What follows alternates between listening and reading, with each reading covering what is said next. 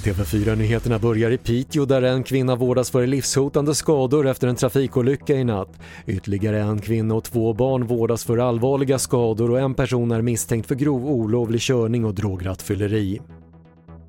Flera lägenheter utrymdes under morgonen på grund av en brand i en källare i Norrköping. Vid åtta tiden uppgav räddningstjänsten att branden var under kontroll och inga personer ska ha skadats.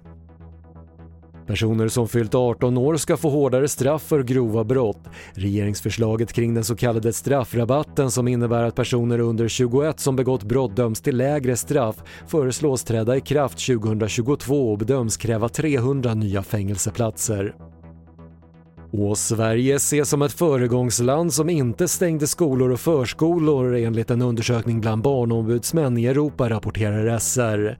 Barn som fått distansundervisning blir mer isolerade, får svårare att klara skolan och löper större risk att bli utsatta för våld i hemmet. Det var det senaste från TV4 Nyheterna. Jag heter Patrik Lindström.